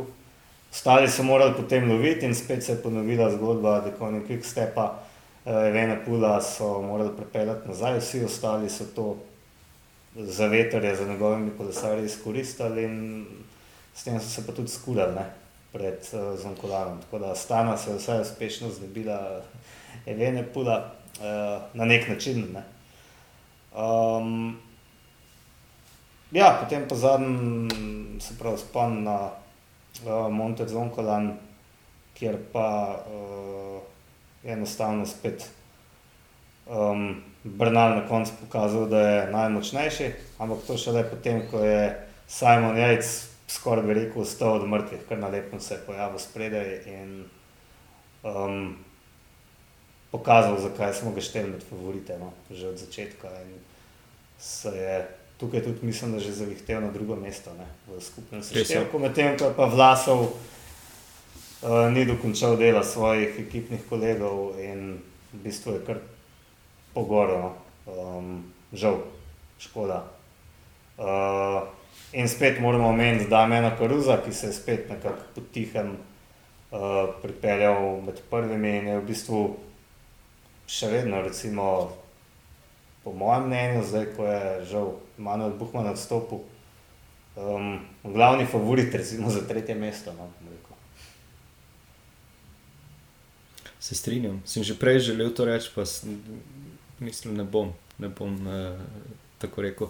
Tako da, ja, Martin, izvolite. Ja, eh, je zanimivo, tam ko se navežem na, na spuščanje ekipe Astana, letos saj nimajo kapetana, ki se zaletava v stop znake in podobne stvari, tako da se vsaj skupaj pripeljejo v, v, v dolino. Uh, kar se pa tiče Vlasova, je pa ravno to, ja, da nekako bo eh, Astana, če se je koga utrudila, je očitno utrudila Vlasova, ker potem na zaključen klanc ni bil tisti pravi in je zaostal.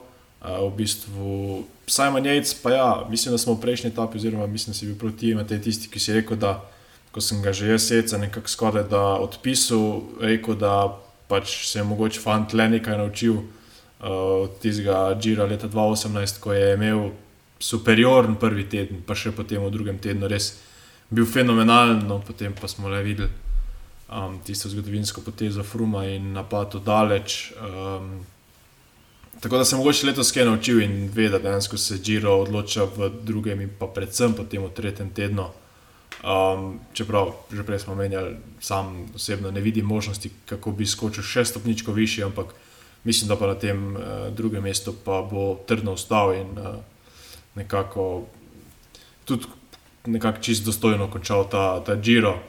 Um, kar se tiče pa ostalih uh, GC pretendentov, pa tudi dejansko Hugh Carty je ostal še med top 5.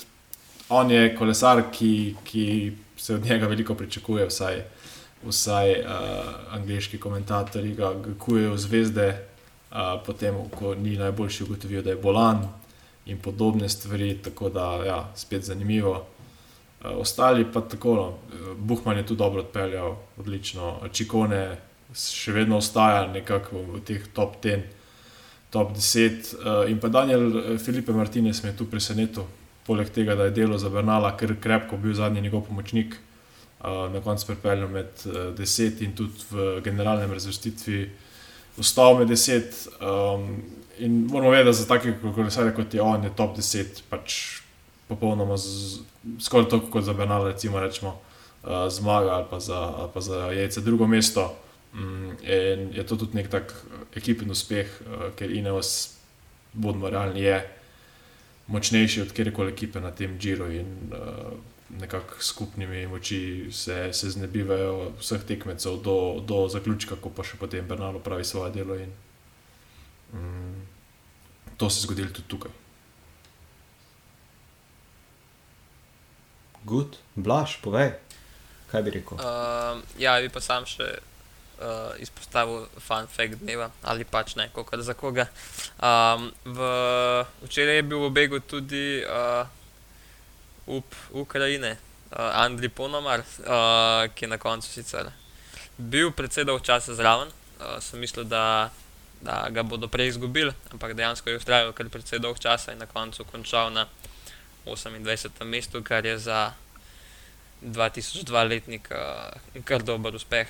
Uh, sploh za prvi Grand Tour. Da, ja, to sem sam hotel reči.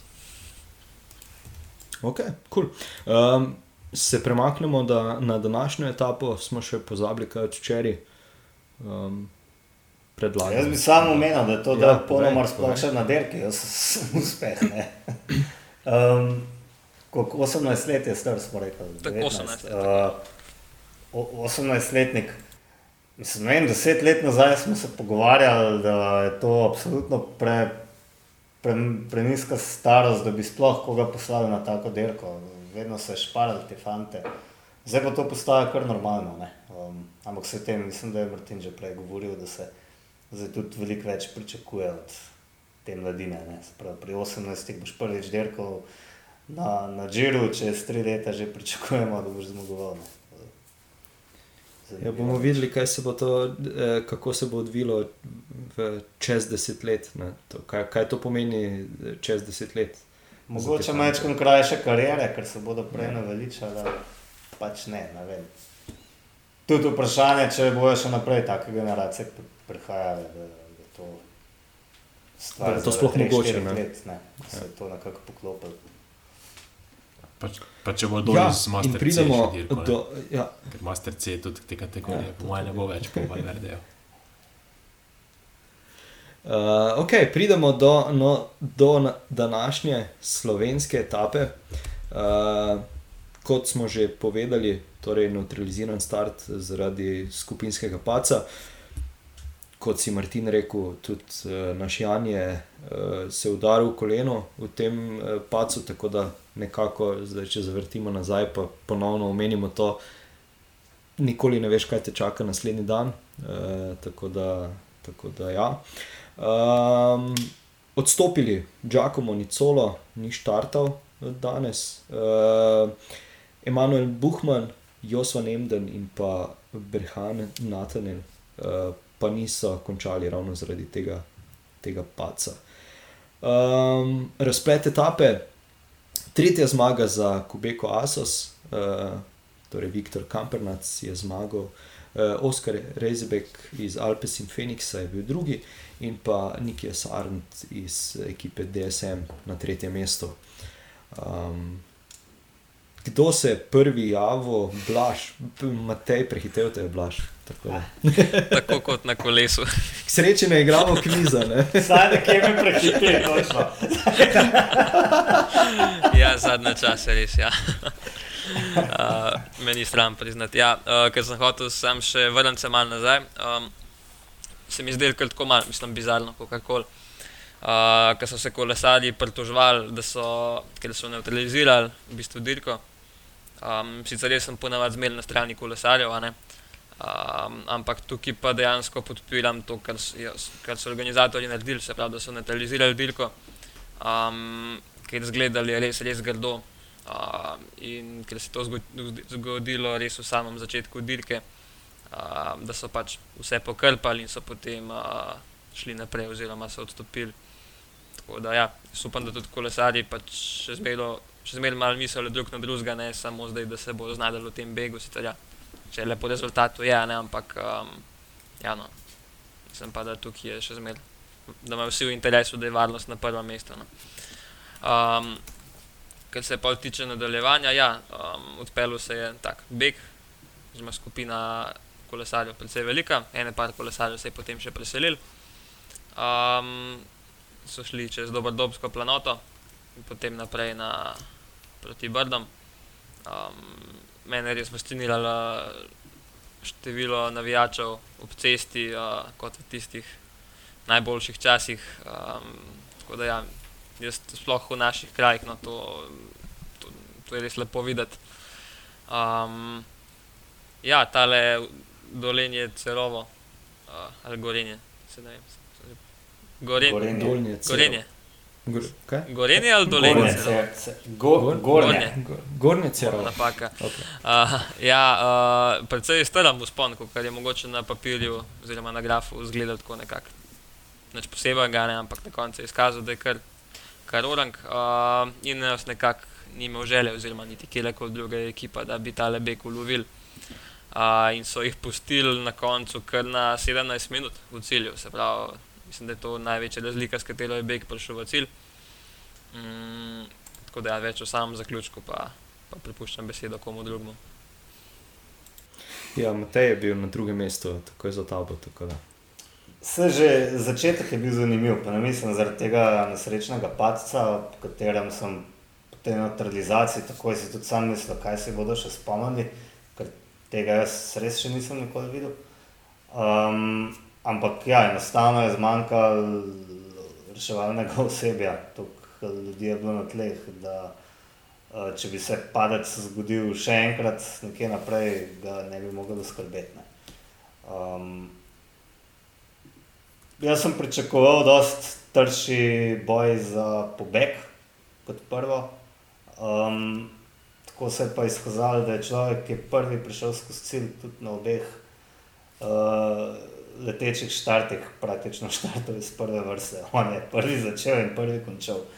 Um, obakrat, pravi Viktor Kampenarc. Um, Malo me je mogoče razočaralo, ker v drugem uh, tem letečem štartu ni, ni zraven ustrajal Sagan. Najprej je dal vtis, da bo, on je šprintal zraven, um, lepo se ga je videl, ampak potem vem, se je odločil, da ne gre zraven. In, um, on bi kar popestril, no, se mi zdi, uh, Derko. Um, sicer pa ja, se ni nekaj do zapovedati. Um, Delka je bila potem res noro zanimiva, čisto v samem zaključku. Um, in jaz sem predvsem vesel, da je Viktorju Kampenarcu končno uspel prvič šele zmagati na Grand Touru, že nekajkrat je bil drugi uh, na Džiru, tudi uh, lani, nesrečno.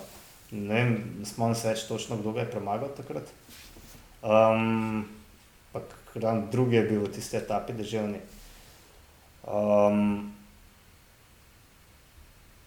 tako da ne vem, se nimam kaj da zapovedati. No. Um, po mojem, da bo Martin kaj več lahko povedal. Ja, misliš, da so zbirali ekipo tako, da so rekli, ok, uh, Viktor Kampernac, drugi, super, Giacomo Nicolo, drugi, super, da pride v ekipo. Mislim, da so tam oni, grd komentar. Oni so za leto zbolj ekipo tako zbirali, da so not nabrali tiste, ki še niso imeli, ker so tako pozno ugotovili, da bodo le preživeli, ne, potem ko so lani skoraj propadli. Tako da so v bistvu res nabrali nekaj, ne vem, tiste, ki niso dobili druge ekipe, pa prosto streljce. Vsem so pa zdaj, ja, kot smo ugotovili, zelo najuspešnejša. Zelo dobro izgleda. In v bistvu igrajo podobno vlogo, kot je imel lani, um, kaj že bila lani ta ekipa, ki je zdaj DSM. Sunweb. Sunweb. Podobno kot Sunweb, ki so z, vem, z relativno šibko ekipo zmagovali kot nori. Točno to. Prikrajšal za dve zmagi, kot mezgaca žal. Res je. Zdaj tu en komentar, preden ti dam besedo, Martin. Uh, je mogoče, da je pač za ključko uh, Oskar Rezebek uh, iz Alpes in Phoenixa malenkost preveč bil na, na čelu, oziroma je Kampernac dobro uh, izkoriščal, uh, kako bi ti rekel, vsa ta leta v pelotonu uh, in, vse, in vse maže, s katerimi je namazan. Uh, Tako da, ja, evo, Martin, ti predajam. Ja, mislim, po Googlu na hiter. Uh, Josef Črni je bil tisti, ki je kampionata premagal in to dejansko v posem, gledam profil, posem ravninski etapi je zmagal Bek. To je zelo zanimivo. Ne spomnim se osebno te etape, ampak uh, tudi takrat je bil dejansko zanimiv peloton, šele 11 minut v zadnji. Um, ampak etapa pa bistveno lažja no, kot, kot uh, re, recimo današnja. Uh, mene, kar je prva stvar zelo veselila, je, je pogled na, na te slovenske ceste, oziroma ta, ta krok, ki ste ga že prej omenjali. Um, res pač zelo lepe kulisa, uh, veseli me, da se je ob cesti zbralo toliko gledalcev, sploh glede na napoved, pa glede na to uh, vremensko, vremensko situacijo. Dopoledne je bilo še kar kar lepo, potem pa, oziroma vsaj suho, potem pa po zadnjem krogu jim je pa že kar precej nalival. Uh, Slovenci smo res pokazali, da smo neke vrste kolesarska nacija, ogromno slovenskih zastav je bilo. Um, in to je, to je res lepo videti, no, sploh v teh koronskih časih, ko vidimo te prazne prelaze in podobno, smo, smo na slovenskih cestah videli, da, da, da, da smo ljudje to pogrešali. No, in danes je bilo to res super in upam, da bo tudi na dirki po Sloveniji kulisa zelo podobna. Kar se tiče pa samega razpleta, pa ja, Bek je, Bek je ker kmalo bilo jasno, da bo uspel. Uh, Viktor Kampenart je bolj iz, tu neke izkušnje, ja, podobno uroš, bi se ga strinjal s tabo, kar si omenil. Uh, zelo zgodaj je začel. Čako je dost, uh, izkoristil to zgod, zgodni sprint, no, ker dejansko je potem iz veterja napadlo.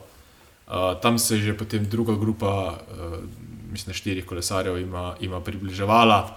Eh, med njimi je bil tudi Simone Konsoni, ki bi zagotovo bil prvi favorit, če bi, če bi jih ta skupina uspela ujeti. In, uh, mogoče tudi zaradi tega uh, nekako Rajsebek uh, poskušal s tistim malo bolj zgodnim napadom, ampak nekako se mu na koncu to ni uspel um, iziti in je Kampenart uh, zmagal nekako uh, brez večjih težav.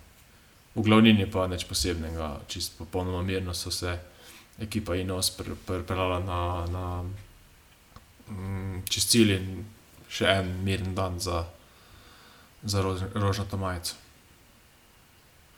Ja, mislim, da je tudi vreme pripomoglo k temu, da so se malenkost umirili tam v tisti uh, glavnini. Blaž, kako si ti videl, izvoli? Um, jaz sem pa lih tele na hitro uh, malo preletel rezultate od uh, Kampenarca in sem ugotovil, da je bil na Grand Tourih do danes kar petkrat na podiumu in nikoli zmagal. Oziroma, etapo končal med prvimi tremi. Tako da ni tako ekstrem kot uh, Nicolo, ampak ja, uh, mu je uspel ta črni niz uh, končati malo prej. Je pa malo ironično, ker je on drugače kronometrist, med drugim tudi uh, tretji na svetovnem že um, potem pa v bistvu zmaga cestno etapo. No, da ja, jaz mu kar prvoščam, se pravi, še en novinec, uh, kar se tiče zmagovanja na trotedenskih dirkah, uh, še en izmed mnogih letos. Um, tako da ja, um, je bilo pa tukaj, ja, mislim, da kar ta le nevihta, ki je bila na koncu, je vplivala na to, da se je grupa prav počasi pripeljala čez cilj. Res na koncu v Gorici, ki so prišli, so se res, res počasi previdno pelali. Um, niso hoteli nič uh, riskirati preveč. Um, in ja, en tak, mogoče malo ležeren dan za skupino, ampak uh, jaz sem pripričan, da bo pa jutri tok bolj pokal. Definitivno. Treba je še omeniti, da je Viktor Kampernac uh, tudi uh, zaenkrat nosilec svetovnega rekorda v vožnji na eno uro uh, na, na velodromu. Tako da ja, uh, to samo še dodatek k tvojim. Uh, k tvojim uh, uh, titulam, blaš, kakorkoli. Uh, Martin, ja, to je bilo to, kar sem jaz hotel zelo omeniti. Dejansko 55, več kot 55 km je takrat prevozil. Mislim, da je, po, to je bilo leto 2019, če sem prav zasledil.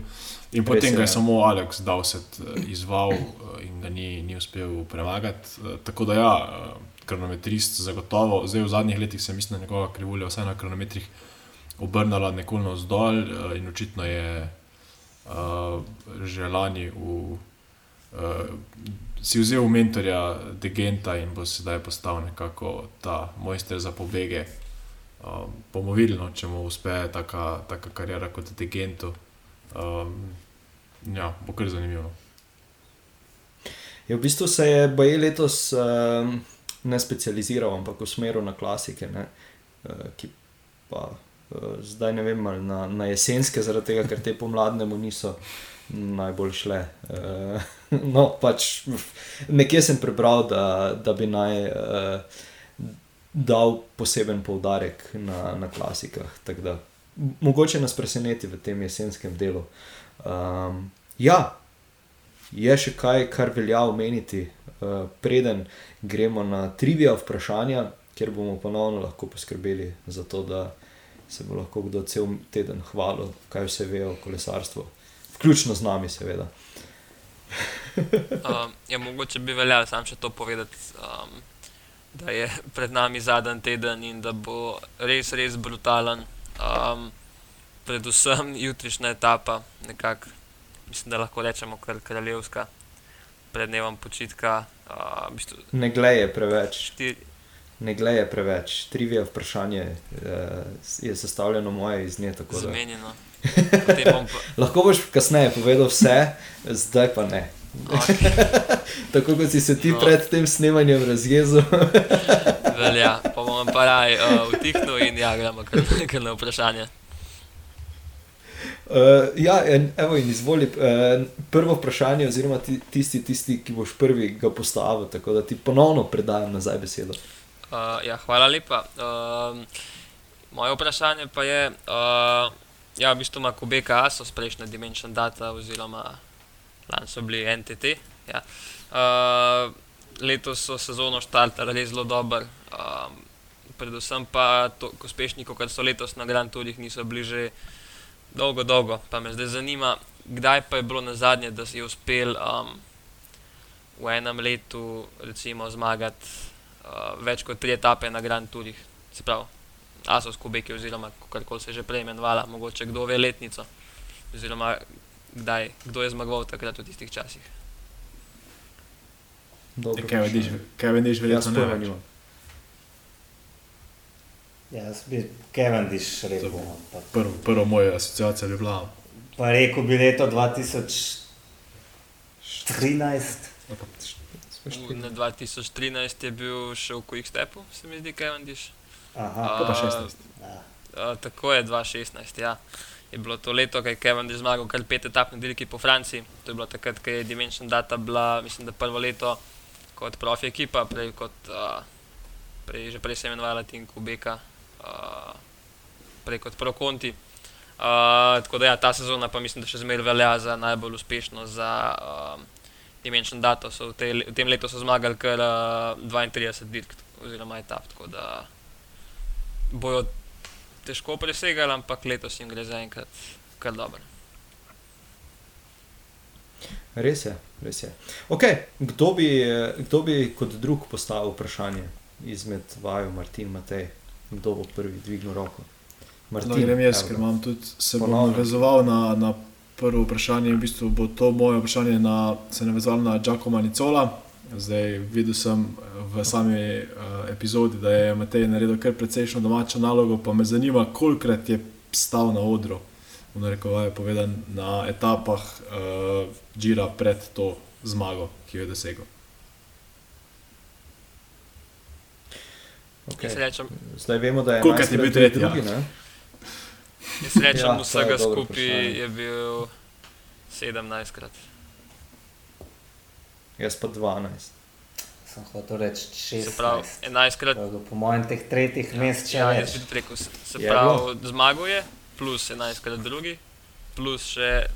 Aha, ok, tretji. Potem se jaz popravim. Tehnično vprašanje je bilo, koliko je zmagal pred tem. In ja, z tem, to zmago jih ima sicer 17, ampak ja, 16 jih je bilo pred tem, se pravi 5 tretjih mest, 11 drugih in pa zdaj ta letošnja zmaga.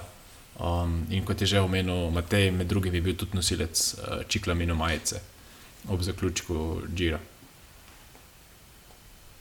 Ok, good, good. Matej, izvoli.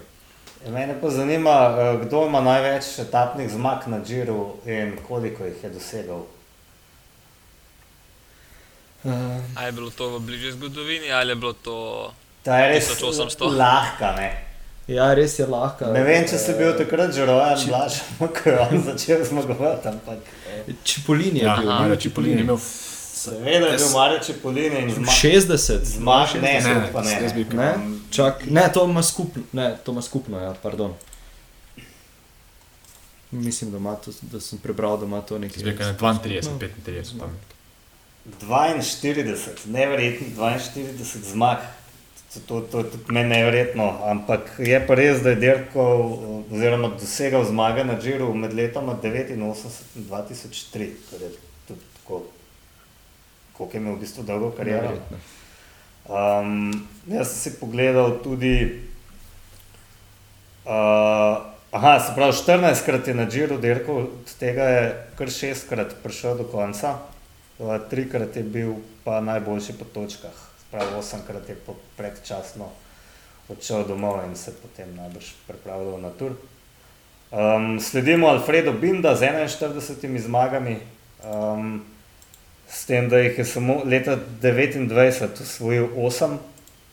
Um, potem je pa za njim prišel Learko Guerrera, uh, ki jih je pa dosegel 31. Med aktivnimi kolesarji, če mogoče kdo ve, ta je bila tudi relativno lahka. Je pa to Mark Cavendish, ne? ki je zmagal pa 15krat in sicer um, je zmagal leta 2009, 2011, 2012 in 2013. No. Zanimivo. Mark Cavendish. Kulsko. um, ja, ok, potem sem ostal še jaz. Uh, torej, V tem tednu pride tudi do etape, uh, kjer bo vključen, uh, v bistvu, ki, ki bo dosegel najvišjo točko Džira, torej ta Čima Kopi, uh, kot se mu reče. Uh, pa me zanima, če mogoče veste, v kateri etapi pride uh, do tega in pa kateri klanec je to. Blaž, če si prej videl, um, lahko odgovoriš. Ne, pa nisem bil pozoren na to. Um, ne vem. Aj pa so Gjav ali pa, pa so Pordoj, eden od teh dveh. Ja, pa so Pordoj, je, je, je, je više. Ja. više Točno tako, pa so Pordoj, ki sicer uh, ni uh, najdaljši, ne? ampak uh, ja. Ampak mislim, da je pa zelo edini hors kategorija, se pravi ekstra kategorija jutra. Ja, na 2239 metrov bodo oči. Jutri edini je horse. Uh, jutri bo res divje. Uh, zdaj, preden uh, še, še nadaljujemo, bi se zahvalil za komentar uh, Dušanu Colariču, ki pa bi, bi ga opozoril, da naj ne hvali tako Mateja, zaradi tega, ker bo potem želel dva hamburgerja pojesti, ne samo enega, ko se dobimo. Hvala, tako da Dušan, Matej, za pohvale, ne Matej, vem, car si pa je in srčki in vse. Aha. To zig zaradi majice. To, to zato, ne, zato ker, eh, ker eh, se bom udeležil spet ene raziskave, ki jo pripravljajo in je po mojem tako vesel, da dobi te idiote, ki. Vem, zdaj po novem bom full riža mogel pojesti. Riža. Ena, ena full bedna šala, sem da ti ne bodo oči začele. Ja, to ne. Spet bom kaj skušal najbrž. ne mogoče. Kam? Uh, ja, uh, smo še kaj pozabili, je še treba, še velja kaj omeniti. Uh, še kaj z vaše strani takšnega. Uh, ja, še vedno ste dobrodošli, da uh, nas podprete in uh, kupite majice, da boste to klepi kot mi. Letos tudi, To uh, ne, ne letos, danes tudi Matej. uh, tako da ja, se slišimo naslednji teden. Ja, pa vidimo se naslednji teden uh, za vse tiste, ki, si, ki se želite uh, malce zapeljati, malce podružiti. Torej, vabljeni naslednjo nedeljo ob 11. do povdne v Velo Bar v Ljubljano. Um, torej, kot sem rekel, kolesarili bomo, kakšno kavo bomo spili, tudi kakšno pivo. Ogledali si bomo zaključni kronometer uh, Džira, torej zadnjo etapo ali kakorkoli. Uh, če nam uspe tehnično rešiti, posnamemo tam tudi etapo. Uh, ponovno povem, tako kot že na začetku, da se nam bo Blaž uh, javil direktno iz Italije, uh, sicer uh, ne iz uh, tistega zaključenega kronometra, ampak vseeno. Uh, tako da ja, rezervirajte si čas za tisto zadnjo nedeljo v tem mesecu, pa se skupaj podružimo, zapeljemo ali pa se seveda vidimo uh, tukaj preko in pa seveda slišimo. Tako da, ja, to bi bilo to z naše strani. Hvala. Rečemo adijo. Hvala, se vidimo. Ajde, Čau. čau.